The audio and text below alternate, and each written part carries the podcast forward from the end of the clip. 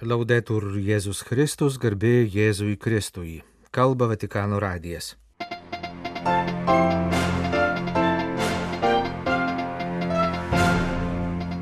Popiežiaus Pranciškaus išrinkimo metinės. Sveikinimai, paties popiežiaus interviu ir jo bendradarbių komentarai. Pirmadienį sukako 10 metų nuo popiežiaus Pranciškaus išrinkimo.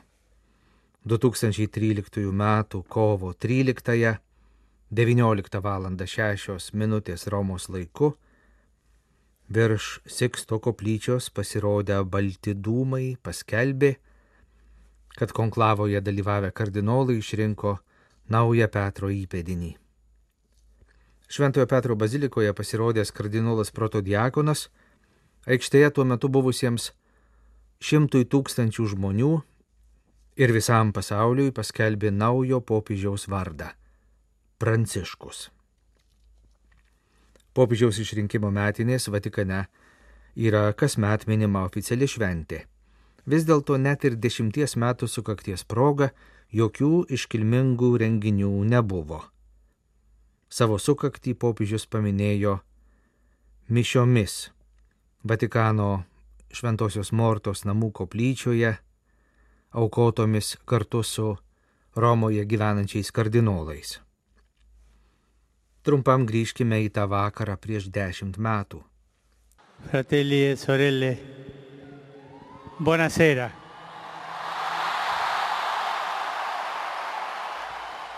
Broliai ir seserys labas vakaras. Tokiu labai paprastu, bet neįprastu pasisveikinimu kreipėsi naujasis popiežius į tikinčiųjų minę. Jūs žinote, kad konklavos pareiga duoti vyskupą Romai. Ir atrodo, kad mano broliai kardinolai jį surado ko ne pasaulio pakrašty. Dėkoju, kad mane priimate. Romos vyskupijos bendruomenė turi vyskupą. Incominciamo questo cammino, vescovo e popolo, vescovo e popolo, questo cammino della Chiesa di Roma, che è quella che presiede Pradedame kelionę Vyskupas ir Dievo tauta.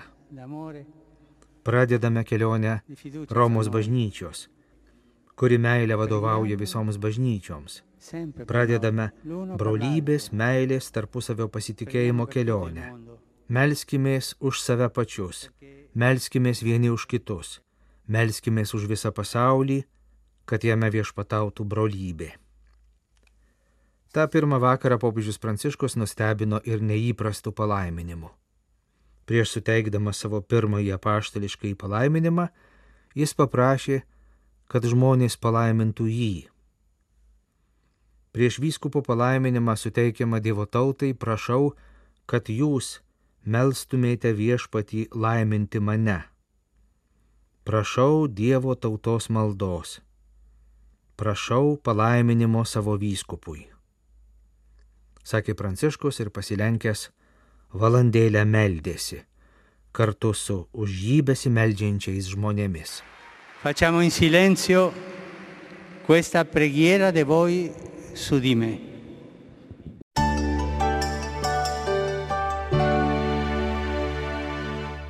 Il tempo è presuroso, non so se dice presuroso, pressante in italiano, va di fretta.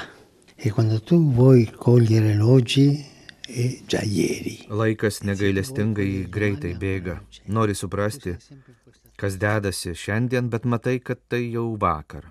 Gyvename nulatinėje įtampoje tarp to, ko dar nėra ir to, kas jau praėjo. Tokie buvo šie dešimt metų. Šiais popiežiaus žodžiais prasideda Vatican News italų redakcijos tinklalaidė, sukurta dešimties metų nuo Pranciškaus išrinkimo sukakties proga. Per šios dešimtį metų įvyko tūkstančiai audiencijų, šimtai apsilankimų vyskupijose ir parapijose, 40 tarptautinio paštališkųjų kelionių, tačiau Pranciškui labiausiai įsiminė susitikimas su senais žmonėmis Šventojo Petro aikštėje. I vecchi sono saggezza, no? E mi aiutano tanto, no? Anche io sono vecchio, no? Seni žmonės tai išmintis. Aš irgi esu senas. Seni žmonės yra tarsi geras vynas, turintis ilgai brandintą istoriją. Yra ir akimirkų, kurios atsimenamos su skausmu. Popiežius visų pirma paminėjo apsilankimus karių kapinėse. Šiaurės Italijoje, pirmojo pasaulinio karo kapinėse, netoli Romos per antrąjį pasaulinį karą žuvusių karių kapuose. Pranciškus sakė, kad jam skauda širdį pagalvojus apie motiną, kuri išgirsta. Jūsų sūnus tėvynės didvyris, štai jums medalis. Susidūrimas su karu paženklino visą pontifikatą. Maniau, kad Sirija bus vienas atvejis, tačiau dėja tuoj prasidėjo ir karas Jemene, Rohinijų tragedija Mianmare. Kai ten nuvykau, supratau, kad vyksta pasaulinis karas. Už pasaulinių karų, už visų karų slypi ginklų pramonė, tai yra velniška. Popžius pridūrė, kad taika būtų geriausia dovana, kokią jis norėtų gauti savo sukakties progą. Trumpas pokalbis baigtas trimis dalykais, kuriuos Pranciškus laiko svarbiausiais. Fratellanza, pianto e sorriso. La fratellanza umana è Tai brolybė, ašaros ir šypsena. Žmonių brolybė, nes mes visi esame broliai. Būtina atkurti brolybę. Turime išmokti nebijoti, verkti ir šypsotis. Kai žmogus nebijo verkti ir šypsotis, jis yra žmogus, tvirtai stovintis ant žemės, o jo žvilgsnis yra nukreiptas į ateities horizontą. Jei žmogus nemoka verkti, vadinasi kažkas negerai, o jei žmogus nemoka šypsotis, dar blogiau. Una persona si è dimenticato di piangere, qualcosa già non funziona. E quando si è dimenticato il sorriso, peggio ancora.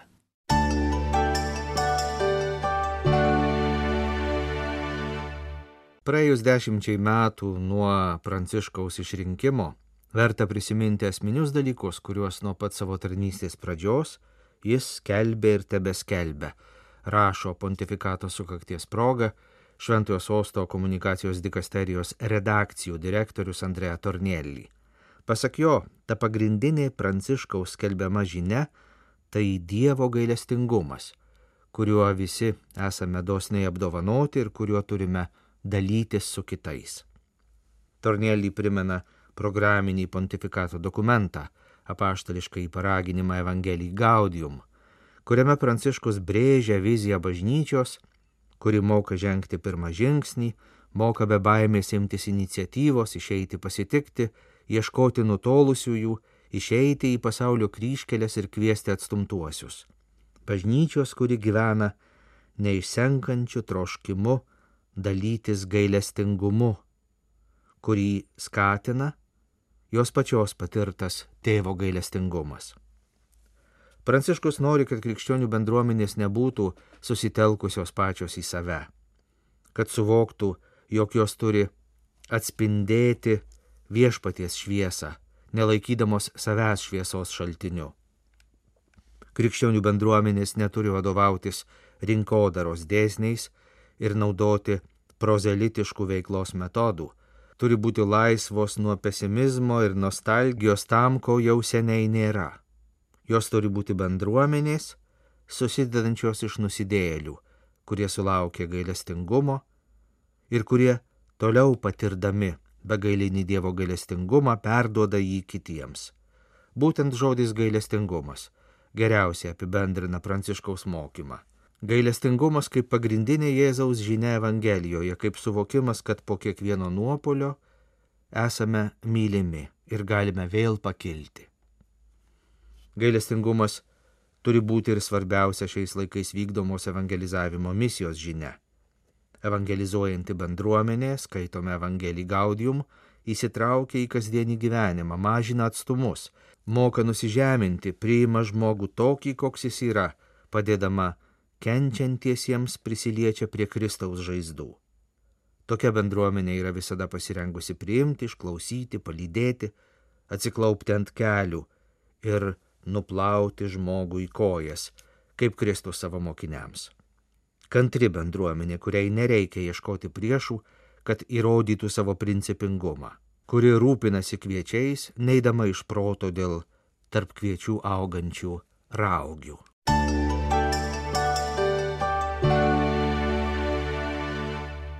Popiežiaus Pranciškaus išrinkimo dešimtųjų metinių proga jį pasveikino Europos vyskupai, išreikšdami meilę, artumą ir dėkingumą už jo kaip apaštalo Petro įpėdinio tarnystę bažnyčiai ir žmonijai. Sveikinimo laišką pasirašė Europos vyskupų konferencijų tarybos pirmininkas Vilniaus arkivyskupas Ginteras Grušas ir vicepirmininkai Belgrado arkivyskupas Ladislavas Nemetas bei Luksemburgo arkivyskupas kardinolas Žanas Klodas Olerichas. Sveikinimo laiške popiežiui dėkojama už jo Europos magisteriumą, primenami jo vizitai Europos parlamente ir Europos taryboje bei susitikimai su Europos valstybių ir vyriausybių vadovais. Primenami Pranciškaus žodžiai pasakyti per Romos sutarties 60-ųjų metinių minėjimą 2017 metais. Europa tai gyvenimo būdas, žmogaus samprata, grindžiama jo transcendentiniu ir neaptimamu orumu, kažkas daugiau nei vien teisių, kurias reikia ginti, ar pretenzijų, kurias reikia kelti visuma. Europos viskupai dėkoja popiežiui už drąsinimą kurti tokią Europos ateitį, kad jie visiems būtų svetingi namai, iš naujo atrasti krikščioniškasias vertybės, kurios yra europinės tapatybės pagrindas. Vyskupai taip pat dėkoja popiežiui, kad per pastaruosius metus nuo invazijos į Ukrainą pradžios jis nepaliauja raginti nutraukti karą ir meldžiasi už šio konflikto aukas. Kartu su savo bažnytinėmis bendruomenėmis norime prisijungti prie jūsų balso ir atnaujinti savo kreipimą į valstybių vadovus, kad jie kuo greičiau užtikrintų teisingą taiką Ukrainos žmonėms. Rašo Europos vyskupai ir dar kartą patvirtina savo bendrystę su Pranciškumi, patikina, kad už jį meldžiasi ir jį prašo tėviško palaiminimo. Tegul švenčiausioji mergelė Marija, Europos motina ir mūsų žemynų šventieji globėjai padeda jums vykdyti Petro tarnystę, rašo viskupai.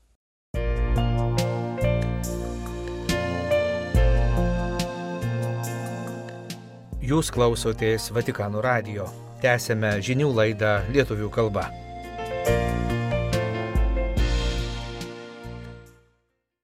Pradedama interviu su popiežiumi Pranciškumi apie dešimt jo pontifikato metų, Elizabeta Pike, Argentinos dienraščio Le Nation žurnalistė, nevengia aštraus klausimo, ar galima kalbėti apie genocidą Ukrainoje.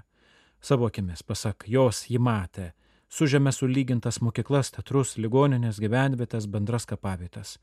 Pasak žurnalistės aiškiai matoma, jog rusai stengiasi sunaikinti ukrainiečius kaip tautą. Genocidas priminė popiežius yra techninis terminas, kuris taikomas po išsamių tyrimų, pavyzdžiui, armėnų genocidas. Techninė prasme nežinau, kaip apibriežti, tačiau akivaizdu, kad kai bombarduojamos mokyklos, ligoninės, liptuvės susidaro įspūdis, jog siekiama neužimti, sunaikinti, pastebėjo popiežius Pranciškus. Matant, jog žuvo ne vien karo profesionalai, bet ir nekalti žmonės, akivaizdu, jog negerbiama karo etika. Kalbėti apie karo etiką yra prieštaringa, bet galima laikytis taisyklių, elgtis tokiu būdu, kuris gelbsti gyvybės. Putinas išsilavinęs žmogus, anksčiau popiežiaus pasakytos žodžius priminė Lenas Jon žurnalistė. Tačiau kaip kultūringas žmogus gali tuo pat metu būti už daugybės karo nusikaltimų, kuriuos matėme per praėjusius metus. Išsilavinimas ir moralė, pažymėjo Pranciškus, yra du skirtingi dalykai. Išsilavinimas įgyjamas. Ar Vatikanas turi taikos planą? Tokio plano nėra, bet yra tarnavimas taikai, atsakė Pranciškus. Taip pat yra kitų valstybių vadovų, kurie užkuliuosiuose dirba dėl taikos. Pavyzdžiui, pasak popiežiaus Indijos vadovas Modė iš tiesų sunerimęs dėl padėties ir yra labai subalansuotas žmogus. Galbūt jis galėtų tarpininkauti tarp abiejų pusių. Su Zelenskiu priminė Pranciškus jis kalbėjusi du kart, buvo suplanuota audiencija su ponia Oleina Zelenska, tačiau dėl bombardavimo atidėta. Elizabeta Pike pateikė įvairių klausimų apie tai, ką popiežius mano apie vadinamąją gender ideologiją ir ar tiesa, kad jo prašyta parengti svarbų dokumentą šią temą. Tokio dokumento jis nerašo ir nebuvo paprašytas parašyti, tik patikslinti, atsakė Pranciškus. Pasak jo, jis visada skiriasi lobadinį darbą su kitos seksualinės orientacijos žmonėmis ir gender ideologija, pastaroji viena iš pavojingiausių šiuo metu ideologinių kolonizacijų, kurie siekia daug toliau nei seksualumas. Kodėl ji pavojinga? nes tirpdo skirtingumus ir viską suvienodina, kai skirtingumo įtampa yra vyro ir moters bei visos žmonijos turtas. Popiežius priminė kunigo Roberto Hugo Bensono 1907 parašytą utopinę knygą Pasaulio valdovas. Išvalgia ir toleregiška, ji pasakoja apie pasaulį, kuriame viskas suvienodėja. Pasak Pranciškaus, kai kada šiek tiek naiviai manoma, jog tai pažangos kelias. Neskiriama pagarba seksualiniam skirtingumui ar pasirinkimams nuo tokios lyties antropologinės sampratos, kuri labai pavojinga, nes trina skirtumus, trina žmogiškumą, žmogiškumo turtingumą, asmeninį, kultūrinį ar socialinį skirtingumo įtampą. Kita klausimų grupė buvo skirta popiežiaus dešimtmečio darbams, įskaitant kurijos reformą, svajonėms ir klaidoms. Kartais buvo nekantrus, nors reikėjo mokėti laukti, reikėjo eiti lietai, sakė Pranciškus. Jam itin brangios temos - atleidimas, žmonių supratimas ir kad kiekvienam bažnyčioje atsirastų vieta atidaryti duris, išplėsti silovadą, derinti šiandienos poreikius ir rytojos horizontą Vatikano antrojo susirinkimo perspektyvoje. Reformuojant Romos kuriją, tai buvo konklavos popiežių deleguotas uždavinys padaryti ir išjudinti įvairūs darbai bei procesai. Žinoma, vykdant pokyčius visada susidurima ir su pasipriešinimu, tačiau reikia atsiminti, kad neturime kurti bažnytinės partijas, o ieškoti Dievo valios ir įsiklausyti į šventosios dvasios balsą. Kitas dalykas - jau Pauliaus VI suvoktas sinodiškumo dimensijos praradimas, jo atsakas - viskupų sinodo įsteigimas, o šiandien suprasta, kad reikia išryškinti pačią sinodiškumo savoką, atsakant ir į kitus iškilusius klausimus. Pavyzdžiui, Amazonijos sinode klausta, kodėlgi negali balsuoti moteris. Bus įmame sinode balsuos visi išskyrus stebėtojus ar svečius - vyrai ir moteris, visi. Anot Pranciškaus savo programinėme dokumente jis kalba apie popiežiaus institucijos atsivertimą, kurį pradėjo jo pirmtakai. Paulius VI didis žmogus šventasis užbaigė susirinkimą ir pradėjęs valdyti bažnyčią naujų būdų. Šventasis Jonas Paulius, didis evangelizuotojas, Jonas Paulius I, norėjo padaryti didelių dalykų, bet nespėjo. Benediktas XVI, drąsaus ir plataus mokymo popiežius, kurio bičiulystės jam trūksta. Jis pirmasis ėmėsi išnaudojimo problemos. Lenas Jon žurnalistė klausė Pranciškaus apie neseniai pasirodžiusi dokumentinį filmą sukėlusi didžiulį skandalą, jog kardinolas Karolis Vaityla į vieną išsiuntė kunigą nusikaltus išnaudojimo. Galbūt jis paskelbtas šventuoju per greitai. Reikia dalykus matyti jų epochoje. Anachronizmai daro žalą. Toje epochoje viskas buvo slepiama, o bažnyčia ėmėsi problemos po Bostono skandalų ir nuo to laiko labai ištikimai tai daro. Čiupo jauti už ragų. Anksčiau kunigas buvo perkeliamas, šalinamas iš kunigų luomo, tačiau be viešumo, be skandalo, kad nekiltų konfliktai. Reikia epokos hermeneutikos. Ar tiesa, kad kardinolo Vaitylos laiške užkoduota žinutė vienos arkivyskupai? To jis nežino, atsakė popiežius, bet tuo metu pakartojo, buvo tylima ir slepiama. Deja, taip linkstama elgtis ir šiandien šeimose, kaiminystėje, mokyklose, kur vyksta labai daug išnaudojimo atvejų. Ačiū Dievui, kad Benediktas drąsiai atvėrė šią problemą bažnyčioje ir joje atsirado nauja nuostata.